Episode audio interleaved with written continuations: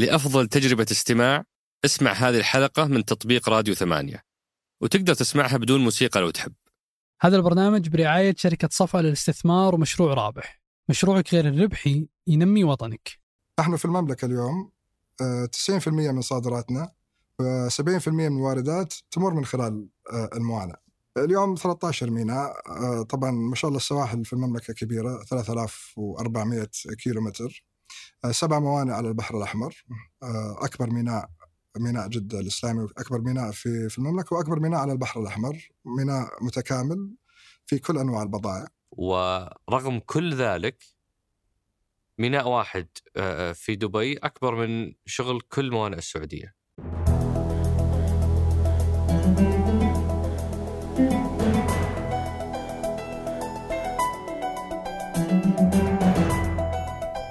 هذا سقراط من إذاعة ثمانية وأنا عمر الجريسي أستضيف قادة التحول وقادة الأعمال وقادة الرأي وأسولف معهم عن مستجدات ومستهدفات رؤية السعودية 2030 ضيف حلقتنا اليوم هو الأستاذ عمر حريري رئيس الهيئة العامة للموانئ.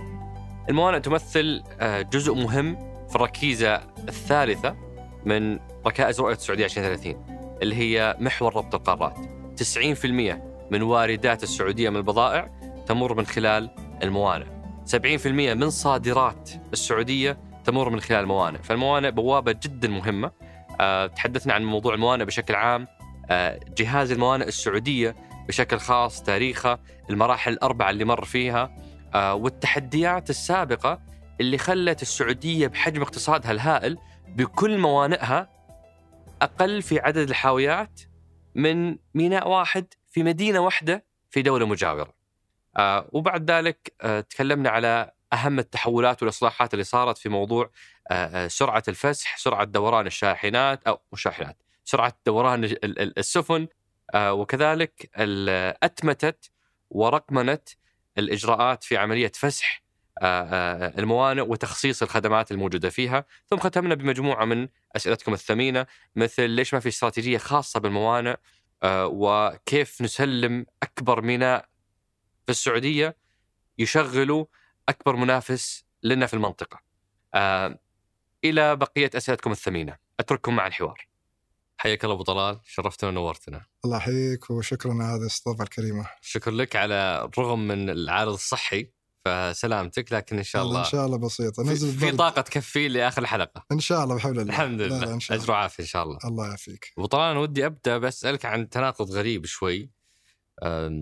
هواية الجولف معروف إنها كذا حقت آه، طبقة ال- آه، أصحاب الدخل العالي وأصحاب آه، شريحة مجتمعية معينة آه، وأنت لعبتها مرة المرات حافي الظاهر يعني اللي هي سلوك نشوفه في الحواري ونشوفه في يعني شرائح مختلفة من المجتمع. وش دخل ال- الجولف باللعب حافي وكيف هالهواية دخلتك على عالم اللوجستيات؟ هذه قصة صار لها أكثر من 26 سنة ما شاء الله عليك يعني قدرت تجيبها. بس أنا بديت الجولف عمري 16 17 سنة هنا في الرياض. آه، كان الملعب المتاح في وقتها ملعب الإنتركونتيننتال آه، فندق الإنتركونتيننتال. ملعب صغير يعني ما هو في مقاييس دولية. وخلال فترة بسيطة صرت أجيد اللعبة. صرت أفوز ببعض الدورات اللي كانت نظم ينظمها النادي. فحسبت نفسي تايجر وودز طبعا بالنسبة لنا ال golferية تايجر وودز مثل ميسي ورونالدو في الكورة يعني. فحبيت إني أدخل منتخب آه، المملكة فتواصلت مع رعايه الشباب. وقالوا ما عندنا اتحاد حاليا لكن في بعض موظفين أرامكو يمثلونا في بعض البطولات الخارجية وأعطوني رقمهم وتواصلت معهم. فرحت إلى الظهران آه، ملعبهم اللي في أرامكو وتفاجأت بأمرين. الأمر الأول إني ماني تايجر وودز. ما شاء الله كان مستواهم آه، جدا عالي. آه، والشيء الثاني الملعب كان رملي. فأنا متعود على ملعب عشب وتكرم يعني الجزم الجولف آه، فيها مسامير حديد. يعني تسهل تثبيتك لما تضرب بالضربة. فهناك لا لازم تلبس جزمة يعني flat ما فيها مسامير. فما كان عندي جزمه وقتها ثانية فاضطريت إني ألعب حافي. فأول آه، يعني مباراة مع المنتخب آه، كنت لعبتها وأنا حافي. وأنت حافي مسموح هذا ما في إشكال. إي ما في إشكال ما في. يعني قانوني ضد هذا الموضوع. وتدرجت مع المنتخب سنين طويلة وشاركت ببطولات آسيوية وبطولات عربية معهم الحمد لله. وسبحان الله بعد توفيق الله كانت يعني أحد أسباب دخولي عالم النقل والخدمات اللوجستية. وقبل ما تعطينا قصة الدخول هذه آه، أنت تو قبل التصوير تقول لي على كيف تغيرت هذه اللعبة من لعبة نخبوية لشريحة معينة من المجتمع إلى لعبة ذات يعني آه، آه، ممارسين أوسع. نعم. وش وش اللي تغير؟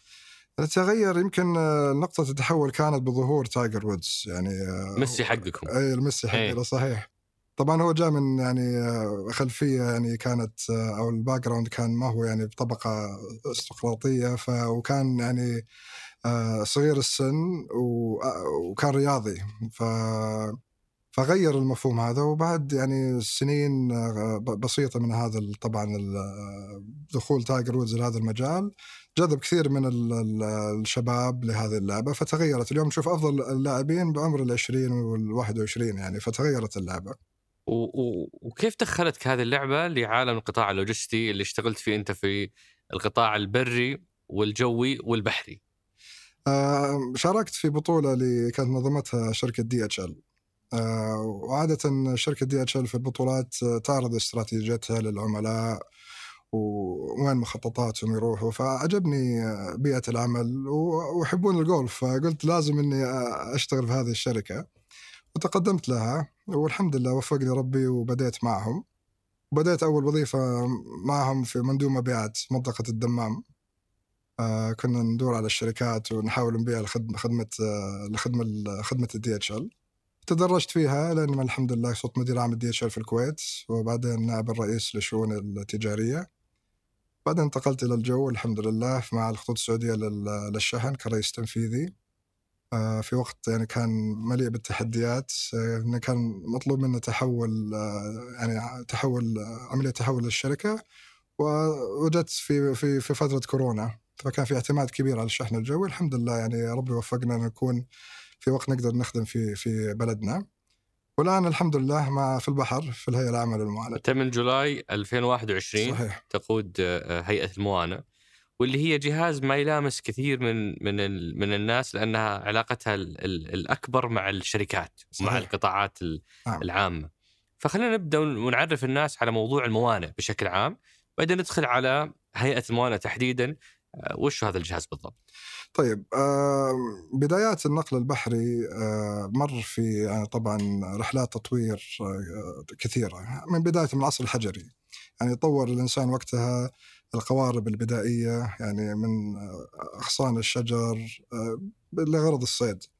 لين ما اليوم وصلنا إلى سفن عملاقة سفن حاويات تحمل أكثر من 20 ألف حاوية وطولها يزيد عن 400 متر. يعني آه، تخيل طول سفينة واحدة تساوي أربع ملاعب كرة قدم.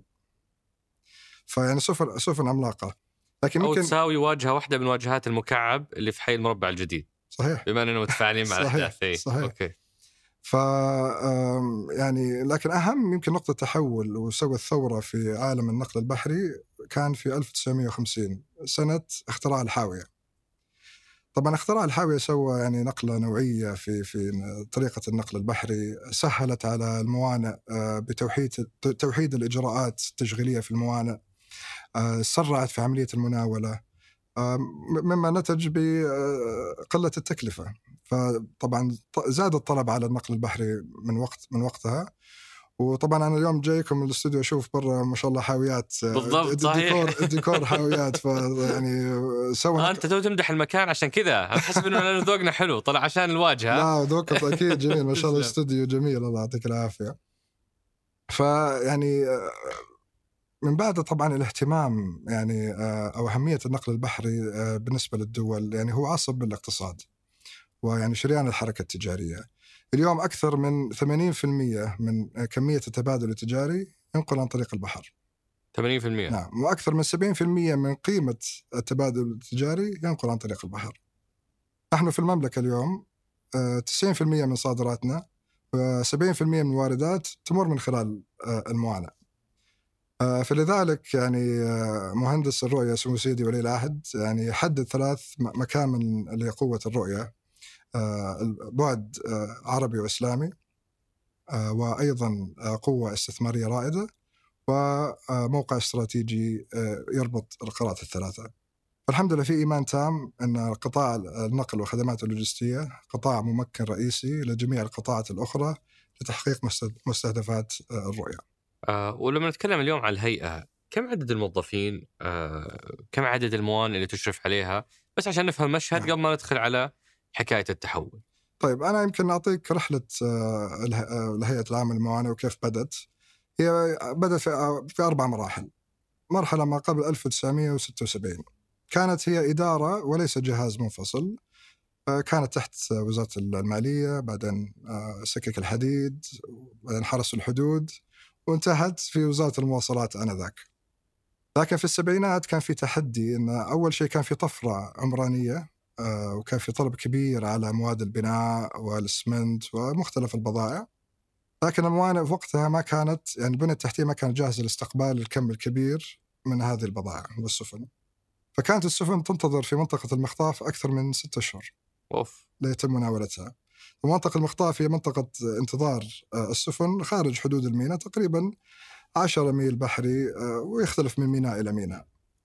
فالدولة أمرت آه، بتسيير يعني على أساس تسرع عملية المناولة بتسيير طائرات هليكوبتر. تروح إلى منطقة المخطاف تحمل البضائع وتجيبها إلى الميناء. لكن هذا الحل ما كان يعني مستدام.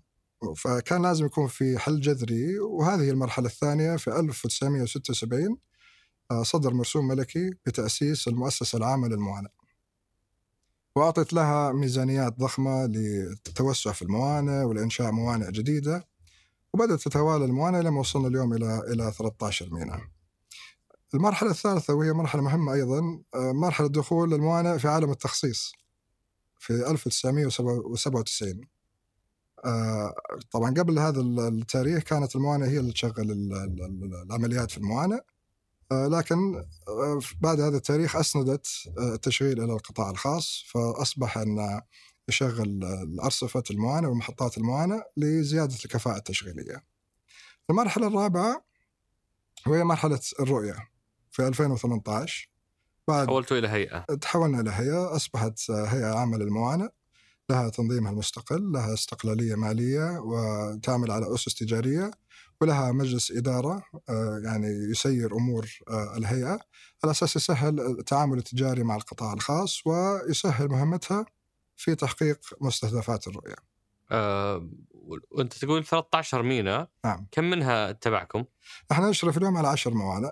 10 على عشر موانئ نعم. وفي ثلاثة خارج إشرافكم. نعم صحيح. آه وش هذه الثلاثة؟ في ميناء الملك عبد الله آه، ميناء جيزان للصناعات الأساسية وميناء ضبا الآن سلم إلى نيوم لتشغيله الآن من ضمن طبعا مشروع أكسجون آه هنا لفت نظري يعني شيء غريب إنه أنتم الهيئة المنظمة وفيه ثلاث موانئ ما هي تحت إشرافكم، نعم يعني لو بنشبهها مثلا بال- بالطيران المدني هيئة الطيران المدني تشرف على كل المطارات في السعودية حتى اللي ما تملكها. يعني حتى مثلا مطار البحر الأحمر تحت هيئة الطيران المدني. نعم. مطار المدينة المنورة لبناء القطاع الخاص تحت هيئة الطيران المدني. بينما في حالتكم أنتم في موانئ خارج آه، نعم. إشرافكم، ليش؟ طبعا هذا نموذج موجود في العالم يعني في موانئ تكون خاصة أو موانئ لها مثلا بس منظم واحد المفروض في البلد. صفة اقتصاد يعني صفة اقتصادية آه، اليوم آه، ميناء جيزان للصناعات الأساسية هو في مدينة جيزان للصناعات الأساسية وتحت هي الملكية للجبال وينبع فاليوم هي تنظمة لكن في بيننا اتفاقيات على أساس التنظيم الدولي اللي تابع لمنظمة آه، منظمة آه، الدولية البحرية. فنحن في اتفاقية بيننا وبينهم فيكون في تنسيق آه، بين الميناءين وأيضا الموانئ الأخرى ميناء الملك عبد الله وميناء وميناء آه، ضبع آه، الأهم من ذلك أن كل هذه الموانئ سواء كانت تحت إشراف الهيئة أو آه، تحت إشراف جهات أخرى أنها تتبع الاستراتيجية الوطنية للنقل والخدمات اللوجستية لتحقيق المستهدفات من طاقات استيعابية من يعني كفاءة تشغيلية وخلافة. آه وال لما نتكلم إحنا على على الهيئة إحنا نتكلم على أو على الميناء نفسه نتكلم على مين اللاعبين في الميناء نفسه؟ يعني خلينا ناخذ مثلا أكبر ميناء أنتم ميناء جدة صح؟ ميناء جدة نعم. والثاني واحد ميناء الملك عبد العزيز في الدمام. خليني أعطيك تحب فكرة على اي الموانئ. يا طبعاً. ريت.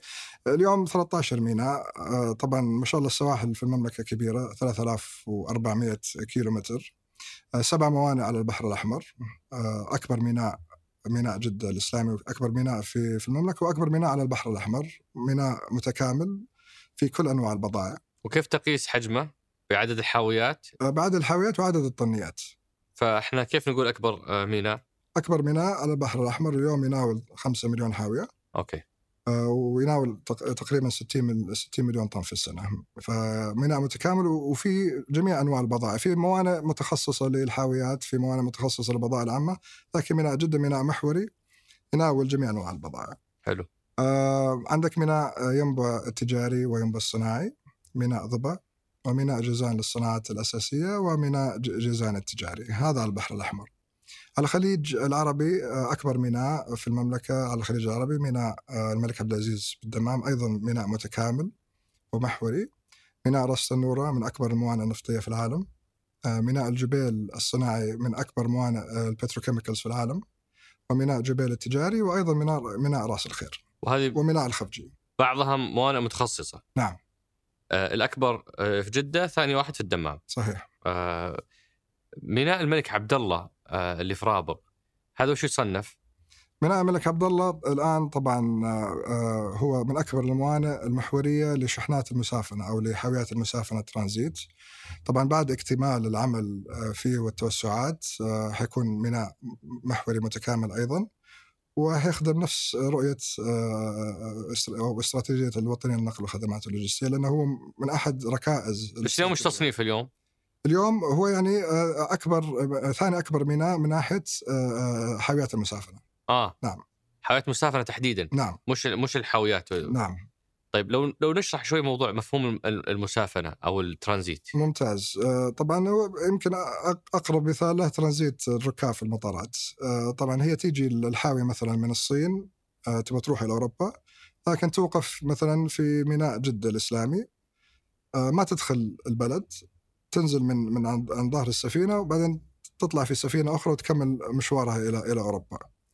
طبعا اهميتها كبيرة المسافنه اقتصاديا للبلد.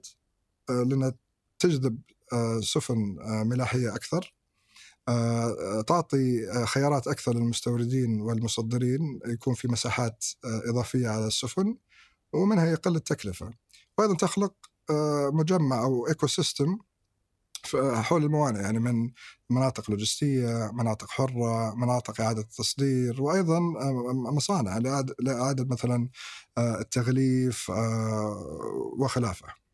واخر سؤال قبل ما ندخل في حكايه التحول أبغى أفهم الميناء نفسه مين ال- مين الأطراف اللي نعم تلعب فيه؟ أنتم الجمارك آه، المشغل أبغى أفهم دور كل واحد. طبعا الحمد لله اليوم في تكامل آه، كبير بين آه، بيننا وبين شركائنا في في في الموانئ، اليوم يعني في أكثر من 13 جهة تعمل تعمل بالموانئ.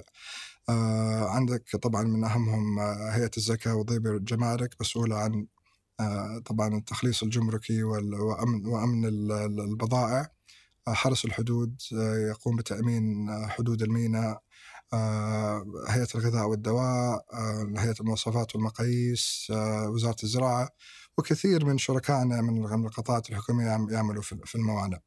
يمكن إذا تحب أعطيك يعني آه، رحلة مثلا آه، الصادر أو الوارد آه، يمكن لو نقرب- ناخذ نقرب- منهم نقرب الص- الصورة. ونشرح أيضا دوركم أنتم ودور المشغل لأنه نعم أشعر أنها تشكل على بعض الناس إنه نعم أنتم أنتم تملكون ولا تشغلون؟ طيب المشغل وش دوره وش حدوده إلى آخره. نعم. طبعا بعد الخصخصة في 97 و- ويعني مشاركة القطاع الخاص الموانئ هيئة العامه للموانئ اليو- اليوم هي تملك الموانئ ولا تشغلها، اليوم التشغيل من من القطاع الخاص، نحن 100% دور نعم نحن اليوم دورنا إشرافي على المشغلين. آه، نحن دورنا اليوم جذب استثمارات أكبر آه، في في الموانئ. آه، آه، تحسين البنى التحتية في مناطق المساندة. آه، تحسين أيضا الأعماق آه، في قنوات الاقتراب وفي مناطق المخطاف فعندنا دور استثماري أيضا ك- كجهة حكومية. ونحن نمكن يعني يمكن أختصرها في كلمة. دورنا تمكين. نمكن القطاعات الأخرى من من يعني آه، آه، من النمو والنجاح مثل القطاع الصناعي يعني التصدير اليوم 90% من التصدير تمر من من خلال الموانئ.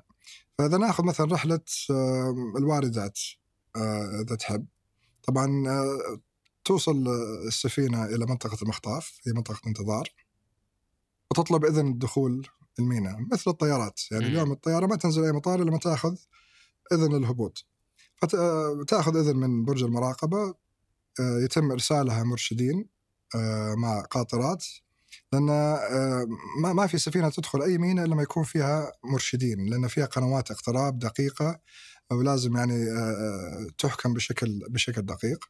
فتبدأ عمليات الإرشاد آه، وبعدين عمليات الترصيف آه، في في آه، في محطة ال- الحاويات.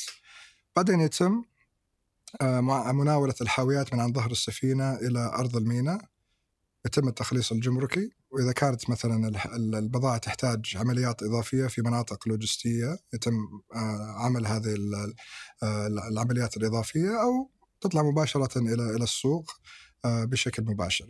يعني اليوم الحمد لله مع يعني ال- الإصلاحات ال- ال- ال- التشريعية والتنظيمية وأيضا إعادة هندسة الإجراءات أيضا مع شركائنا من هيئه الزكاة والضريبه والجمارك يعني في 2016 كانت تأخذ الحاوي أكثر من 14 يوم لما لما تفسح وتطلع من الميناء.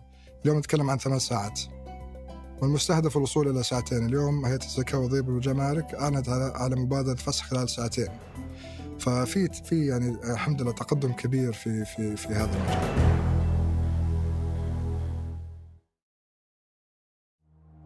وش أكثر شيء يهمك لو قررت تشتري شقة؟ سواء للسكن أو الاستثمار. جودة البناء، السلامة، الفخامة والتقنيات الذكية الموقع الاستراتيجي والخدمات. كل هالمميزات وأكثر بتلقاها في وحدات ومشاريع صفا للاستثمار. اعرف أكثر من خلال الرابط في وصف الحلقة.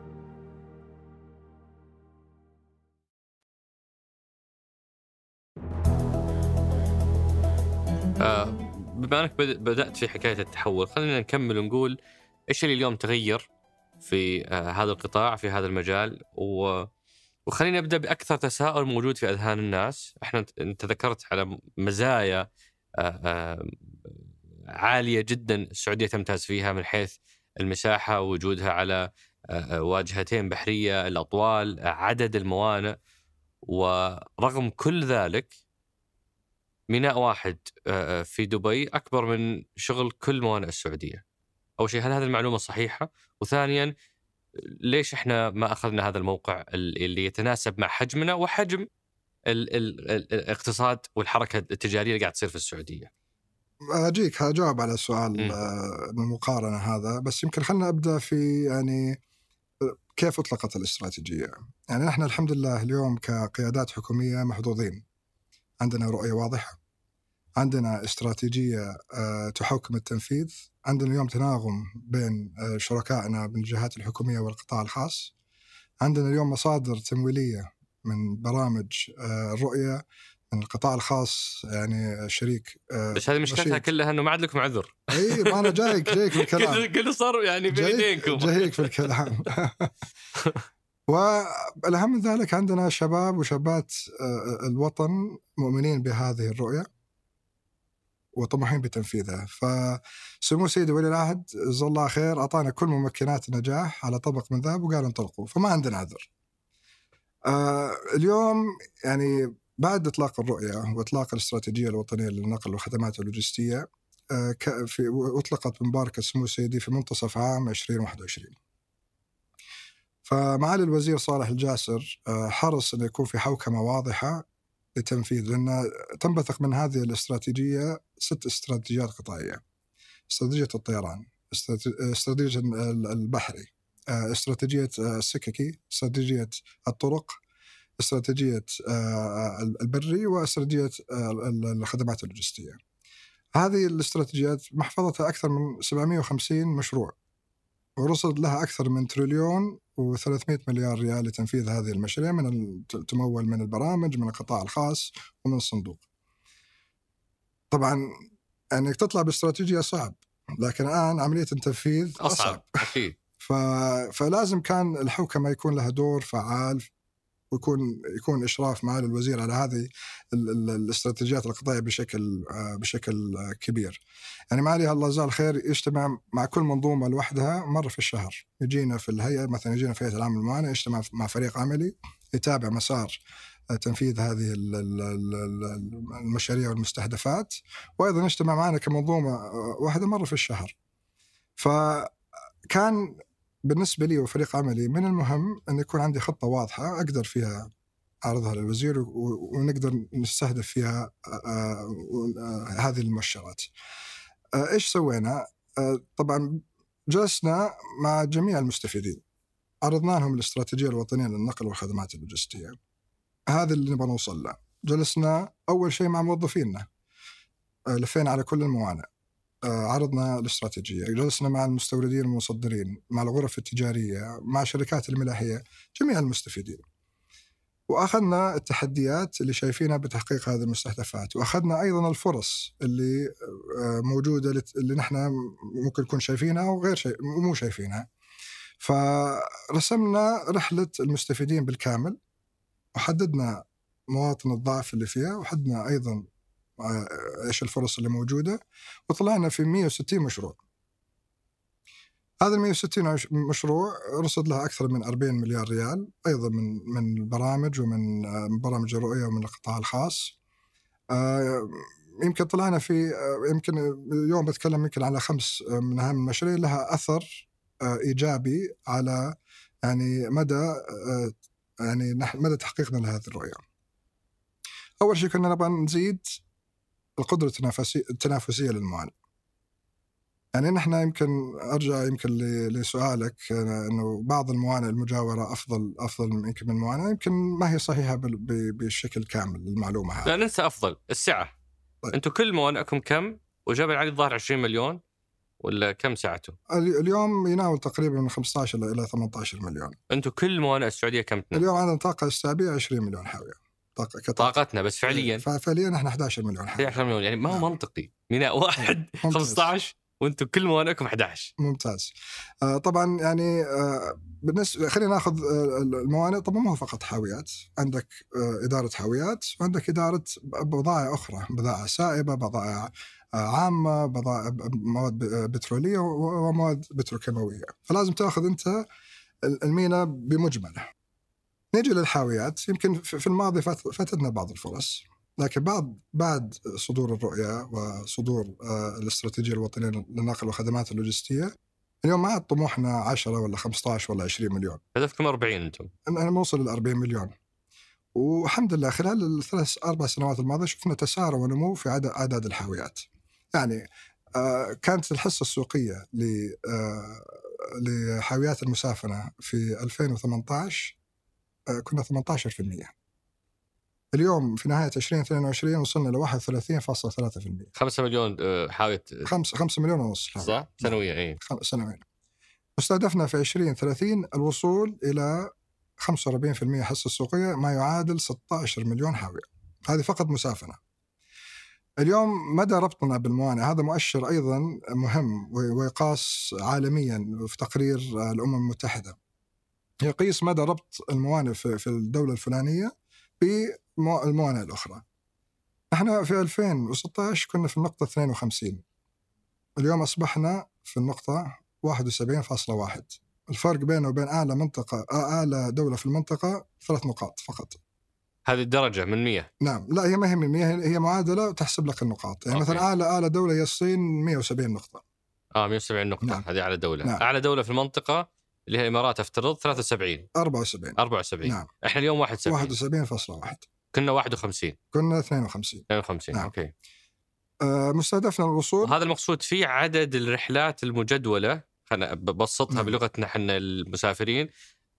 الرحلات المجدولة بين ميناء ألف وميناء باء؟ تاخذ تاخذ أكثر من من آه، من من من نقطة. تاخذ عدد السفن التي تزور الموانئ السعودية. مثلا ناخذ الموانئ السعودية. حجم هذه السفن. يعني ممكن تجيك سفن كثيرة لكن حجمها قليل فما ما تعطيك الطاقات الاستيعابية ال- فهذه أهم نقطتين تحسب في هذا المؤشر. فنحن مستهدفنا في 2030 الوصول إلى 80 نقطة في أكبر عشر دول في العالم. وهذا لها تأثير مباشر على التكلفة هذا المؤشر بالذات لا. يعني تأثير مباشر على تكلفة النقل يعني إذا كل ما زاد ارتباطك ارتباطك في آه، بالموانئ الأخرى قلت التكلفة. اليوم الحمد لله إحنا نرتبط مباشرة ب 113 ميناء مباشرة و 250 ميناء آه، بطريقة غير مباشرة. إذا جيت حسبت حجم الميناء بشكل الكامل نحن اليوم آه، بالاطنان طبعا لكن يمكن اللي اللي موجود آه، أو في التقارير الدولية هي آه، تعتمد أكثر على الحاويات لأن نرجع نقول إن الحاويات سهلت الأمور على الم- العالم لأن سهل قياسها. أما الاطنان مثل. مثل مواد بترولية ولا موا- مواد بتروكيمية موجودة حس- حسب لكن مو كل الموانئ تنشر هذه هذه الأرقام. فدائما التقارير الدولية تحسب الحاويات. آه لكن إجمالي مثلا الموانئ السعودية إجمالي ما ما تناوله في السنة 680 مليون طن. أكبر من الموانئ أكبر من بعض الموانئ المحورية في العالم. أكبر من آه، سنغافورة، أكبر من هولندا، وأكبر من الإمارات. لكن حلو إنه يكون في المنطقة وصح يكون في تنافس، يعني هم أفضل منا في آه، في بعض الأمور المنافسين ونحن عندنا آه، يعني آه، أمور نحن أفضل منها. لكن الحمد لله بالطموحات الموجودة إن شاء الله في 2030 حنكون بإذن الله الأكبر في المنطقة ونكون المنصة اللوجستية الأكبر في المنطقة إن شاء الله. ولو بنتكلم إحنا على موضوع نفس الشيء موضوع سهولة وجاذبية الموانئ السعودية دائما يذكر موضوع مثلا البضائع اللي جايتنا من أوروبا ولا جايتنا من أفريقيا تعبر شفت الموانئ الخمسة اللي سردتهم في البحر الأحمر؟ تتعديهم كلهم تعبرهم كلهم وتأخذ ريسك العبور ب آه، نقطة خطرة في العالم. أظن هذه بالأرقام هي أكثر نقطة خطرة من حيث القراصنة اللي هي مضيق آه، باب المندب. تعدي هذا الخطر وتمر ببحر العرب ثم تدخل الخليج وتنزل في جبل علي. وتنزل البضائع هناك ثم تشحنها لك بريا إلى الرياض وجدة وبقية مدن المملكة. وش اللي كان يدفع آه، آه، المشغلين و- والش- واللي يشحنون إنه يأخذون كل هالمسافة الطويلة وهذا الريسك المضاعف ولا يستخدمون موانئنا، لهالدرجة كانت موانئنا سيئة؟ شوف يعني في ما نبغى نتكلم في الماضي يمكن بس عشان نفهم إحنا وش كان إيه، التحدي. يمكن كان في تحديات آه، ب- بالفسح الجمركي وتحديات بال, بال أيضا بالتشغيل في الموانئ. لكن مع الرؤية ومع الاستراتيجية الوطنية للنقل والخدمات اللوجستية كثير من هذه الأمور الآن آه، تحلت. يعني اليوم الفسح وصل إلى ثمان أيام. فأنا كتاجر ثمانية أيام؟ آه عفوا ثمان ساعات. اي ثمانية أيام؟ رجعنا ورا. لا لا ثمان ساعات. كم كانوا؟ نب- كان 14 يوم. آه، نبغى نوصل إلى ثمان ساعات. والمستهدف آه، ساعتين إن شاء الله. آه هذه وصلنا لها فعليا اليوم ثمان نعم ساعات نعم ثمان ساعات. آه أنا كتاجر اليوم آه ليش أبغى أن أطول عليه الطريق وأزيد عليه التكلفة إذا أقدر أنا أجيبها directly للمكان طبعاً. اللي أنا أحتاجه. فاليوم يعني آه، نتكلم بشكل مع تعاون جميع الجهات آه، الحكومية اليوم أقل من 2% من إجمالي ما يد- يدخل المملكة يجي عن طريق يعني دول مجاورة فيعني آه، كم؟ أقل من 2% أقل من 2% نعم. آه okay. نعم. فاليوم الحمد لله نرجع نقول آه، اليوم الموانئ السعودية من أكثر الموانئ كفاءة في العالم. صدرنا التقارير الدولية. اليوم تقرير آه، البنك الدولي الموانئ السعودية الاكثر كفاءة في مناوله الحاويات الحاويات. ميناء الملك عبد الله رقم واحد في العالم. ميناء جدة آه، آه، تقدم من مرتبة 53 إلى المرتبة الثامنة في عام واحد. آه، ميناء الملك عبد العزيز بالدمام تقدم من المرتبة 102 إلى المرتبة آه، آه، المرتبة الرابعة عشر أيضا خلال عام عام واحد من 370 ميناء حول العالم. فاليوم يعني ال- ال- الشركة شركة الملاحة ال- ال- البحرية لما تيجي تبى تزور ميناء عندها أر- أربع أمور لازم تفكر فيها. كفاءة أول شيء كفاءة الت- التشغيل للموانئ، التكلفة، الطلب يعني هل في سوق يعني كبير في في هذا في هذه الموانئ والخدمات الإضافية اللي محتاجينها. فالحمد لله ككفاءة اليوم نحن من أفضل الموانئ عالميا. التكلفة اليوم تكلفة الموانئ أتذكر هذه كانت مشكلة كانت يعني هي واحدة من النقاط اللي أثرت على ترتيبنا في مؤشر ال بي اي نعم وعملنا على ذلك. نحن اليوم تكلفتنا أقل من 40% من المنافسين اليوم تكلفة أجور الموانئ. آه لحظة هذه هذه مهمة ذي كيف؟ نعم. تكلفتنا اليوم أقل 40% نعم كانت من- تكلفة أجور الموانئ اليوم أقل 40% من منافسينه وهذه يعني كانت مبادرات آه، يعني عملنا عليها لتشجيع آه، شحنات المسافنة في في الموانئ السعودية. السوق الحمد لله عندك سوق سوق كبير في استيراد وتصدير بشكل بشكل عالي في مشاريع كبرى اليوم في المملكة. يمكن النقطة الرابعة الآن نحن نعمل عليها بشكل متسارع اللي هي إيجاد يعني خدمات إضافية لا نعمل على إنشاء مراكز لوجستية متكاملة في الموانئ. آه، في عام 2022 نجحنا بتوقيع آه، ثمان عقود لإنشاء مراكز لوجستية متكاملة مع أكبر الشركات. يعني أكبر الشركات الشحن في العالم ام اس سي ميرسك وسي إم إي سي جي إم كلهم الآن مستثمرين في الموانئ السعودية. أيضا آه، الشركات الوطنية LogiPoint البحري Globe Marine استثمروا في مناطق لوجستية متكاملة. يعني تخيل مثلا ميرسك. هذا بالنسبة لميرسك المركز اللوجستي اللي في ميناء جدة الإسلامي أعلى استثمار لهم في العالم.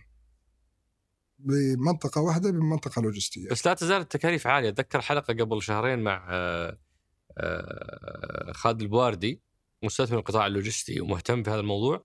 كان وهو موجود في الإمارات أيضا. كان يقول تكلفة المساحة اللوجستية في آه، هو هو كان في الإمارات نعم. برضو.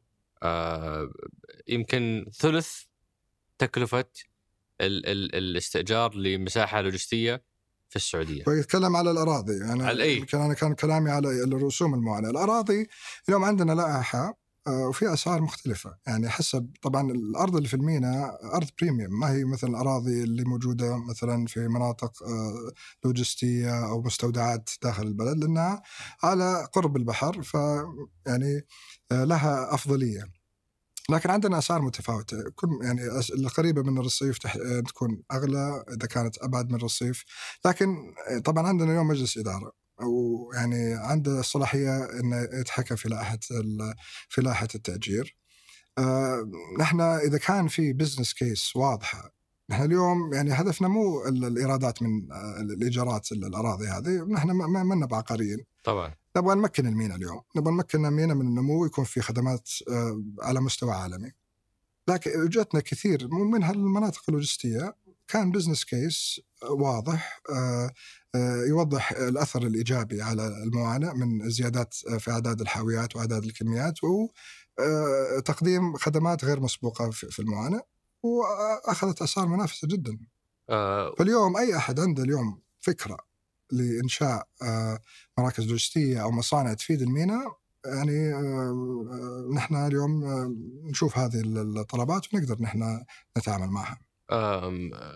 من الأشياء اللي لفتت نظري في مستهدفاتكم رفع نسبة التشغيل إلى أنا قلت شكلهم بيوصلون 95 99 رفع نسبة التشغيل إلى 70% من طاقة الموانئ نعم. إحنا اليوم كم طاقة الموانئ وكم كم نسبة التشغيل حاليا؟ إحنا اليوم نسبة التشغيل 61% 61 وما تقدر توصل يعني صعب إنك توصل أكثر من 70% بسبب انه يعني لازم تعطي نفسك مجال آه ل صيانة مو صيانة لأن أنت هي هي سلسلة أو رحلة. يعني الحاوية تنزل من السفينة إلى أرض الميناء. فإذا كانت نسبة الأشغال 100% وين بتروح؟ فبس براكتس في العالم 70% هو هذا الرقم اللي, اللي أغلب الموانئ العالمية تشتغل عليه. إحنا اليوم 60 نبغى نوصل. 60 نعم. ل 70 ل 70% نعم آه موضوع تشغيل الموانئ هذا بدينا فيه بس ما كملناه. ودي أعرف اليوم لما نقول تخصيص الموانئ نعم. هل معناته إنه في قطاع خاص يملك هذه الموانئ ولا فقط يشغلها؟ إيش معناته يشغلها؟ ومين هم هذول المشغلين؟ آه لا طبعا إحنا الموانئ منشآت سيادية فيعني ما يملكها الحكومة آه، القطاع الخاص آه، ممثل في الهيئة ممثلة في الهيئة. أنتم اللي تملكون هذه نعم. الموانئ نعم أنت صحيح. اللي تنظمها وأنت اللي تملكها. صحيح. أوكي. طبعا في في عندنا يعني خطوات الآن نعمل عليها لفصل الجانب التشريعي عن الجانب التشغيلي. آه القطاع الخاص اليوم بين عقود اسناد آه للقطاع الخاص آه يعني مسؤوليته أن يشغل هذه المحطات ويستثمر في توسعتها وجلب أفضل التقنيات وبعد انتهاء هذا العقد يعني ب 30 سنة ترجع ملكية آه هذه المحطة إلى إلى أو يعني كل ما ما تم استثماره من معدات إلى يعني نظام ال BOT. أي نعم. وهذا المشغل هو اللي يدير عملية تفريغ الحاويات نعم. وإدارة السفن وإرشادها وإلى آخره هذا دور المشغل نعم أكثر في عندك أكثر من مشغل. طبعا مشغل مسؤول مثلا خلينا ناخذها مثلا نفصلها. آه، محطة الحاويات لها مشغل. آه، الإرشاد البحري والعمليات البحرية لها مشغل آخر. آه، المناطق اللوجستية لها أيضا مشغلين. ففي تنوع بالمشغلين في في المعالج بس ما في مشغل رئيسي هو اللي قاعد ي... لا لا. آه أوكي.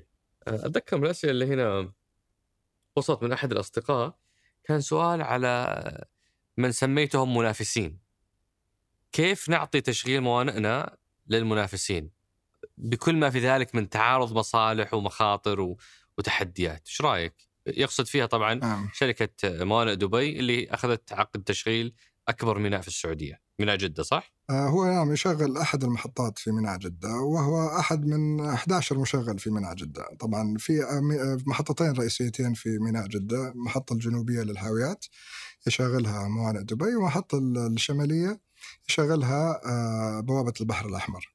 آه، شركة وطنية ويملك في صندوق الاستثمارات العامة حصة منها. وإن شاء الله له طبعا Red Sea Gate له طبعا خطط الآن التوسع في آه، خارج المملكة وتشغيل موانئ خارج المملكة. آه، موانئ دبي شريك قديم معنا في في في الميناء في ميناء جدة من 97 هو موجود وعمل معنا على تطوير المحطة الجنوبية وزيادة الكميات. آه، موانئ دبي عندها شبكة عالمية من الموانئ في 60 ميناء حول العالم.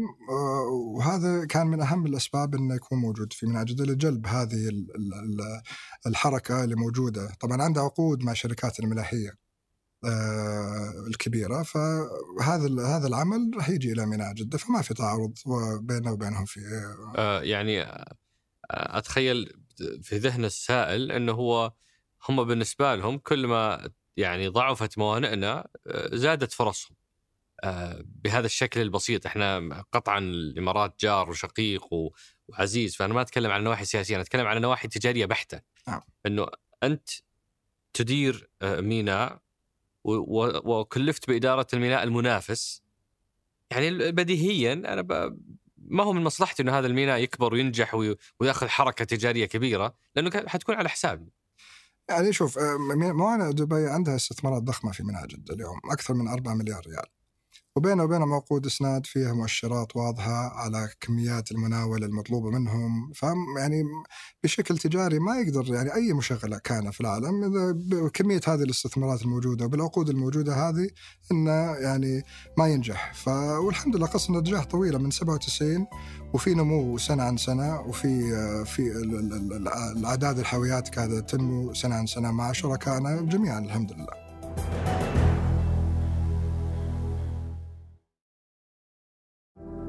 تخيل يكون عندك مشروع تربح منه واللي يشتري أو حتى اللي ما يشتري يربح منه.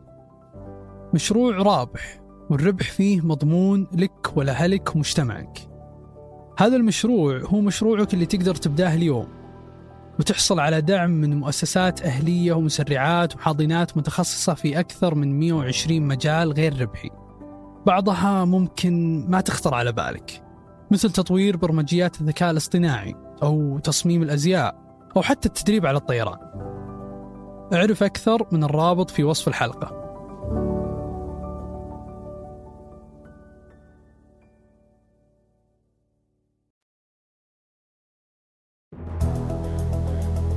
أتذكر آه، لما كنا نشتغل على برنامج سين كنت أنا مع مع أبو يوسف أحمد الشقيري وواحدة من الحلقات كانت عن عن الموانئ.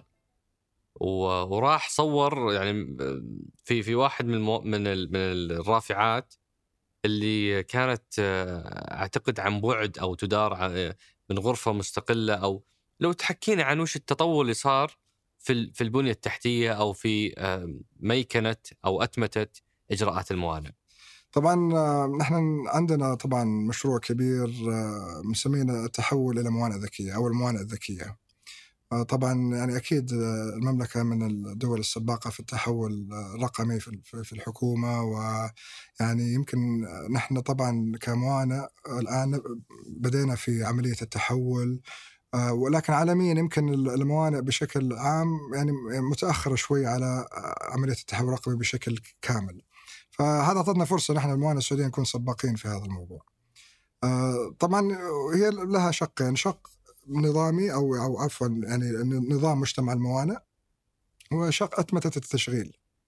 فطبعا نحن في 2017 أطلقنا آه، نظام مجتمع الموانئ تحت منصة فحص فسح آه، فيها 46 خدمة يعني سهلت كثير من من آه، التعامل مع الميناء وتعامل مع البضائع.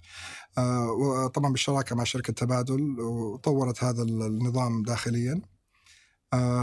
طبعا إحنا نطمح نكون أفضل من كذا. في عندنا تحديات اليوم لكن اليوم نحن اتفقنا مع تبادل بجلب أفضل الأنظمة العالمية. وبدينا في التطبيق اليوم وإن شاء الله خلال أو نهاية السنة الحالية هينطلق النظام الجديد 150 خدمة يستفيد منها المستورد والمصدر يستفيد منها الشركات الملاحية ويستفيد منها جميع المستفيدين آه، في المعاناه. بالنسبة للتشغيل آه، بدينا الآن في حدود الميناء يعني اليوم ما في شاحنة تدخل الميناء إلا عنده مورد إلكتروني. نظمنا الحركة بشكل بشكل كبير، أول يعني في السابق كان في تكدسات مثلا على دخول الميناء اليوم ما في أي تكدس. آه، معدل دوران الشاحنه اليوم آه، وصل إلى 19 دقيقة.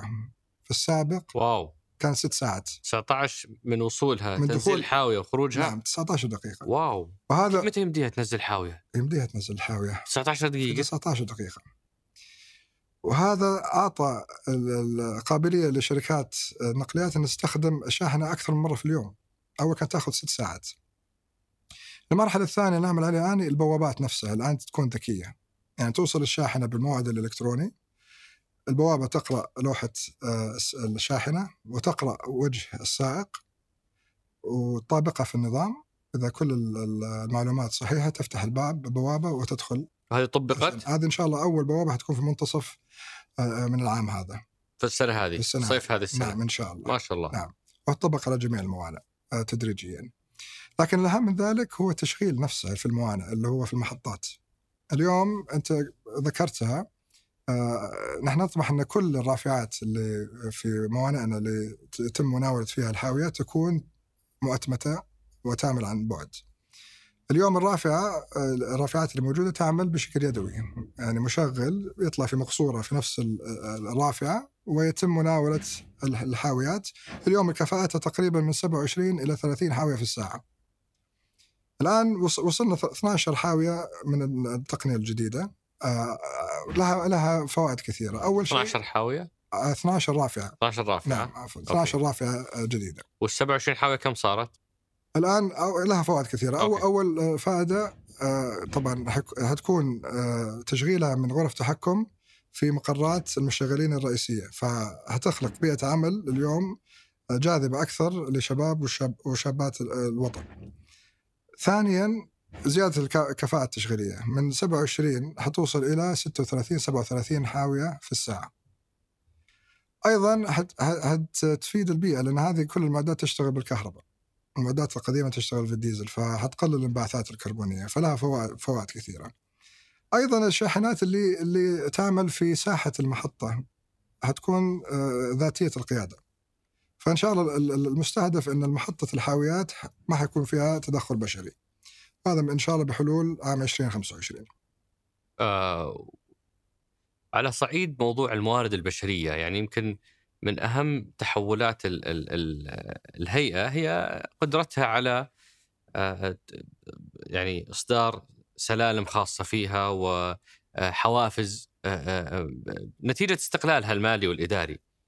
يعني أنا ما أعرفك أبو طلال صراحة إلا من هالحلقة. تعرفت عليك من هالحلقة فما عندي فما عندي أي دوافع ولا مصلحة إني أقول شيء ما هو حقيقي. لكن فعلا لفت نظري آه، لما زرتكم في المكتب آه، خلصت اجتماعي معك مشيت بغادر مسكني رجل الأمن المدني السكيورتي عند الباب. قال عرفني قال أنت ثمانية؟ قلت اي إحنا ثمانية. قال متى حلقة المعالي؟ هو هو يسميك معالي. آه قلت له قريب إن شاء الله عندك ملاحظات؟ في شكوى؟ قل لي شيء. قال لا والله ودي إنك تقول له شكرا لأنه من 2018 إحنا تحولنا إلى هيئة نسمع بالحوافز نسمع بالسلالم نسمع ولا شفنا شيء. بقدوم هذا الرجل فعلا تسارعت وتيرة التسكين والتحسين آه، في الحوافز والمزايا اللي كنا نسمع عنها من 2018 فهذه الرسالة أنقلها صراحة أمانة منا لك ومنها أبغى أسمع إيش اللي صار كتغير مؤسسي داخل الهيئة وداخل آه، آه، قدرتها على استقطاب الكفاءات آه، لقيادة المرحلة القادمة. يعني طبعا شكرا على هذا الكلام بس طبعا يعني هذا واجبي يعني طبعا. وأنا نفذت قرار مجلس وزراء يعني ما ما جبت شيء من عندي لكن يمكن إحنا سرعنا في عملية التنفيذ. آه يعني حوكمنا الموضوع بطريقة إن نحن عرضناه على مجلس الإدارة بشكل واضح وكان في دعم كبير من مجلس الإدارة بالموافقة على برنامج التسكين بناء على قرار مجلس الوزراء. الحمد لله بدينا في عملية التسكين في شهر تسعة من العام الماضي. عندنا 2800 آه، موظف. وهذا كان جزء أصلا من الاستراتيجية المؤسسية للمعاناة آه، برحلة التحول تحويل الكوادر البشرية من نظام الخدمة المدنية إلى نظام التأمينات تأمينات. الاجتماعية. آه، تمهيدا ل يعني مؤسسه الموانئ وإنشاء شركة الموانئ. فالحمد لله تمت بكل سلاسة، كان الحدث الرئيسي إن نحن نتواصل بشكل شفاف. آه، عملنا ورشات عمل قبل ما نطلق المشروع يعني وينفذ. آه، كان في سفراء للتسكين في كل الموانئ. آه، عملنا خط ساخن لأي استفسارات ونشرنا وثيقة التسكين على البوابة الداخلية. فيعني كان المهم أن الجميع يعرف إيش اللي جاي اليوم. فالحمد لله مرت بسلاسة. وأيضا اللي كان مثلا شاف ما اخذ حقه كان في لجنة آه، لجنة تظلمات خارجيه آه، اعتمدها مجلس الإدارة نظرت في هذه الأمور كان تقريبا أقل من 10% من إجمالي الموظفين. والحمد لله يعني أقفلنا مشروع التسكين في نهاية ديسمبر الماضي. واليوم أنا اللي فهمت أن القطاع ككل فيه حدود 11000 آه، موظف. 21000 21000 القطاع. كقطاع موانئ. كقطاع. نعم. أنتم 2800 2800 قطاع 21000 نعم. آه، كم نسبة التوطين فيها وش بتسوون في آه، تأهيل تدريب كوادر بحيث أنه هذه النسبة تزيد بالذات في المواقع الحساسة نعم. مشغل رافعة آه، إلى آخره من المهام طيب. إحنا في الهيئة العامة للموانئ عندنا 100% نسبة السعودة في المنظومة بشكل كامل 40% لأن تقريبا اليوم 80% من الوظائف وظائف تشغيلية من سائقين شاحنات عمالة شحن وتفريغ هنا يجي دور التحول إلى موانئ ذكية. يعني أتمتت الإجراءات والأعمال التشغيلية وهذه المعدات الحديثة الآن اللي اللي آه، استثمر فيها المشغلين هتخلق وظائف جاذبة. وأيضا علاقاتنا مع الأكاديميات والجامعات. اليوم الحمد لله عندنا آه، اتفاقية وعلاقة مع جامعة الملك عبد العزيز. عندنا 100 150 متخرج آه، في السنة. طبعا نعمل على زيادة هذا العدد. وأيضا الآن الأكاديمية اللوجستية اللي أطلقتها وزارة النقل والخدمات اللوجستية أيضا فيها فيها طبعا مواد مختصة في الموانئ. فنعمل نحن بعدة مبادرات لزيادة هذه النسبة. بنتقل لمجموعة من أسئلة الأصدقاء أبو طلال. آه، واحدة من الأسئلة اللي جتنا هي موضوع آه، ذكرت أنت آه، استراتيجيات قطاعية تحت استراتيجية النقل والخدمات اللوجستية بس ما شفنا استراتيجية الموانئ. نعم. وش السبب؟ اليوم الموانئ هي جزء من استراتيجية القطاع البحري. طبعا القطاع البحري يعني كبير وفي يعني عدة جهات اليوم تعمل فيه. ونحن اليوم الموانئ جزء من هذه الاستراتيجيات القطاع البحري. التي هي جزء من الاستراتيجية الوطنية للنقل والخدمات اللوجستية. من يقودها؟ طبعا يقود الملف اليوم لاعتماد الاستراتيجية اللي هي الهيئة العامة للنقل. الهيئه العامة للنقل. نعم معالي الدكتور ماح. ونعم. آه هنا في سؤال على موضوع تشغيل رحلات الكروز، أنتم كان لكم دور في موضوع تشغيل رحلات الكروز اللي ابتدأت في 2020 في السعودية وقاعدة تتوسع شوي شوي. نعم.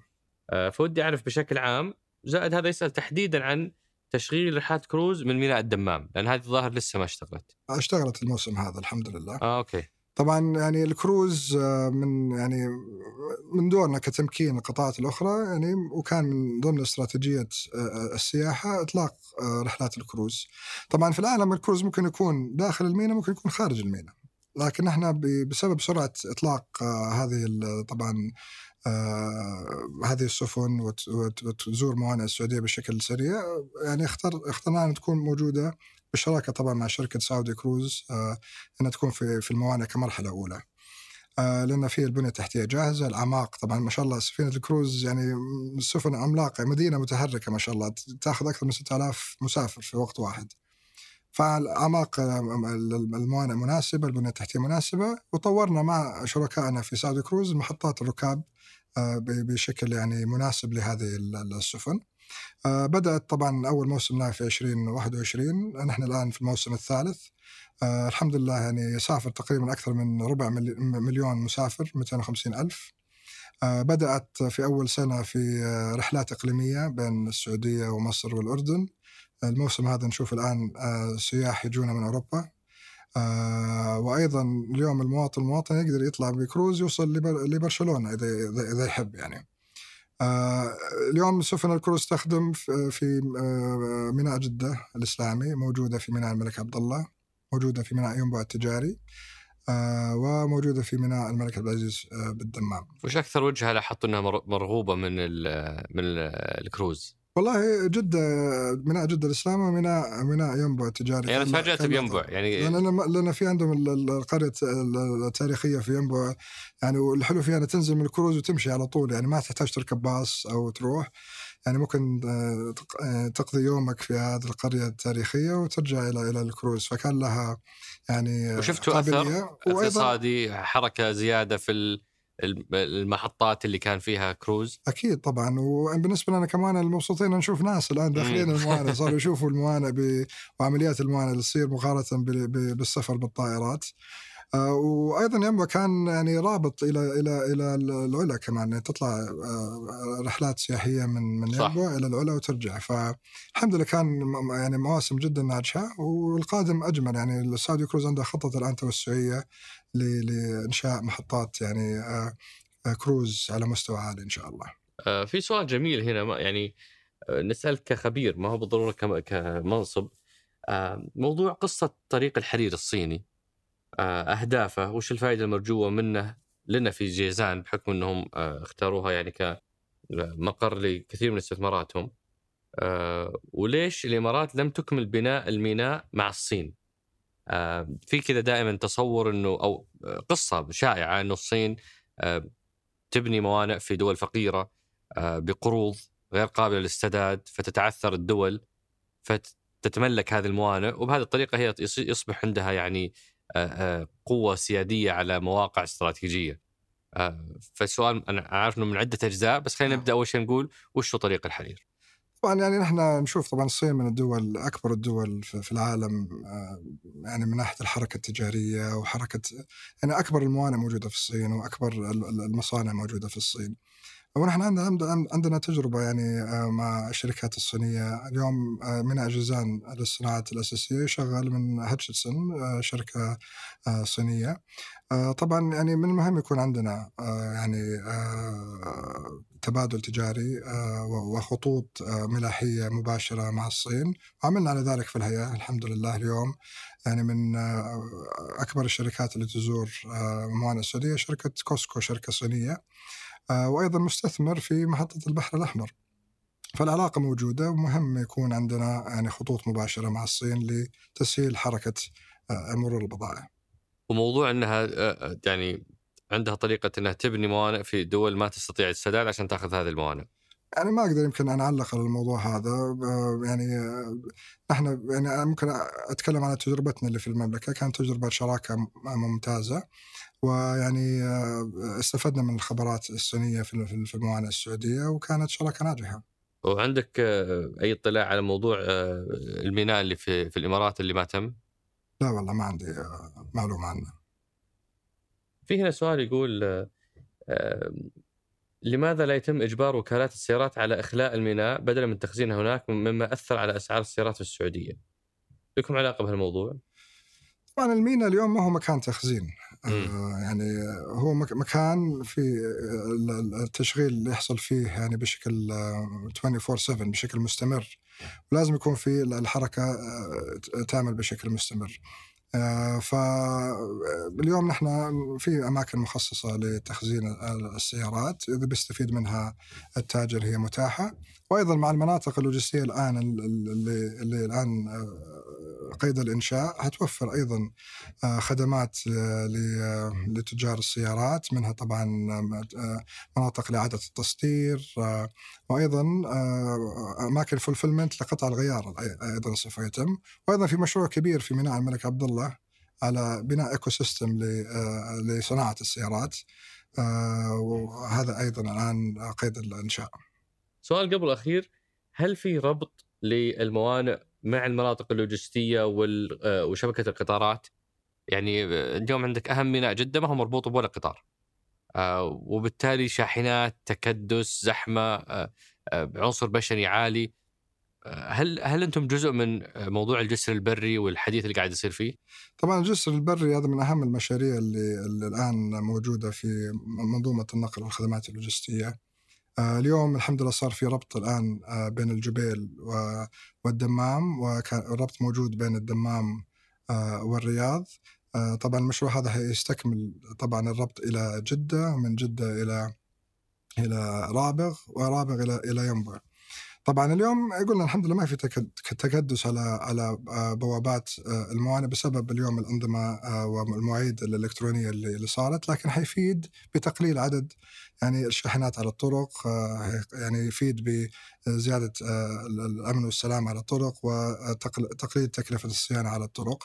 وهذا مشروع إن شاء الله الآن يعني يعني قيد التصميم الآن وهي إن شاء الله بإذن الله يعلن من الوزارة. على تنفيذه وهذا طبعا مشروع محوري. بس بيربط ميناء جدة ولا ميناء رابغ؟ ولا كلهم؟ كله ميناء جدة وميناء رابغ.